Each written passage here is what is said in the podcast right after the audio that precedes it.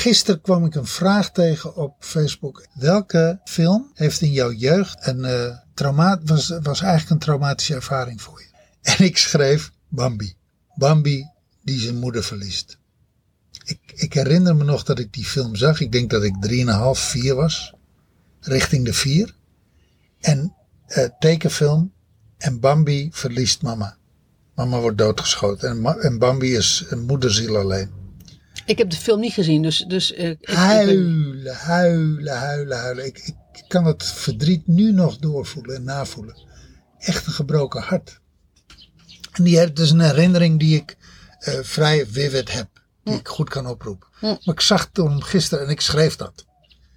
Dat lijkt dan waarschijnlijk voor de ander een beetje van, ah, wat flauw. Dat je, nou, dat je... nee, er ging van alles door me heen. Want de anderen hadden allemaal bijvoorbeeld de Exorcist en zo. En eh, die hadden, die hadden allemaal wat, wat, wat, wat, wat een beetje horrorachtige. Precies, of, de, de lift. Eh, of, nou, maar ja, dan niet in het Engels, ja, maar als je Nederlander bent. Dus misdaadfilms, weet je wel. Of, of, of uh, uh, indringende films. En ik had gewoon dus een tekenfilm van Disney, een kinderfilm. Heel jong.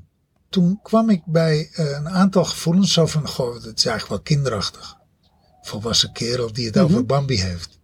Maar ik was helemaal bij de pijn van dat kind. Mm. En de pijn van dat kind heb ik serieus leren nemen. Mm. En ik zie dat dat heel vaak toen niet gebeurd is, -hmm. maar nu nog steeds niet ja. gebeurd is. Ja. Ik zie heel veel volwassenen die hebben pijn opgelopen in hun kindertijd -hmm. en nemen die pijn niet serieus. Ja. De, nou ja, durven die pijn niet serieus te nemen. Want dat is, het is bijna te kinderachtig voor woorden. Het is mooi dat je het woord zegt, hè? kinderachtig. Ja, het is eigenlijk, te, het is... Stel je niet zo aan. Niemand wil een jankert zijn. Ja.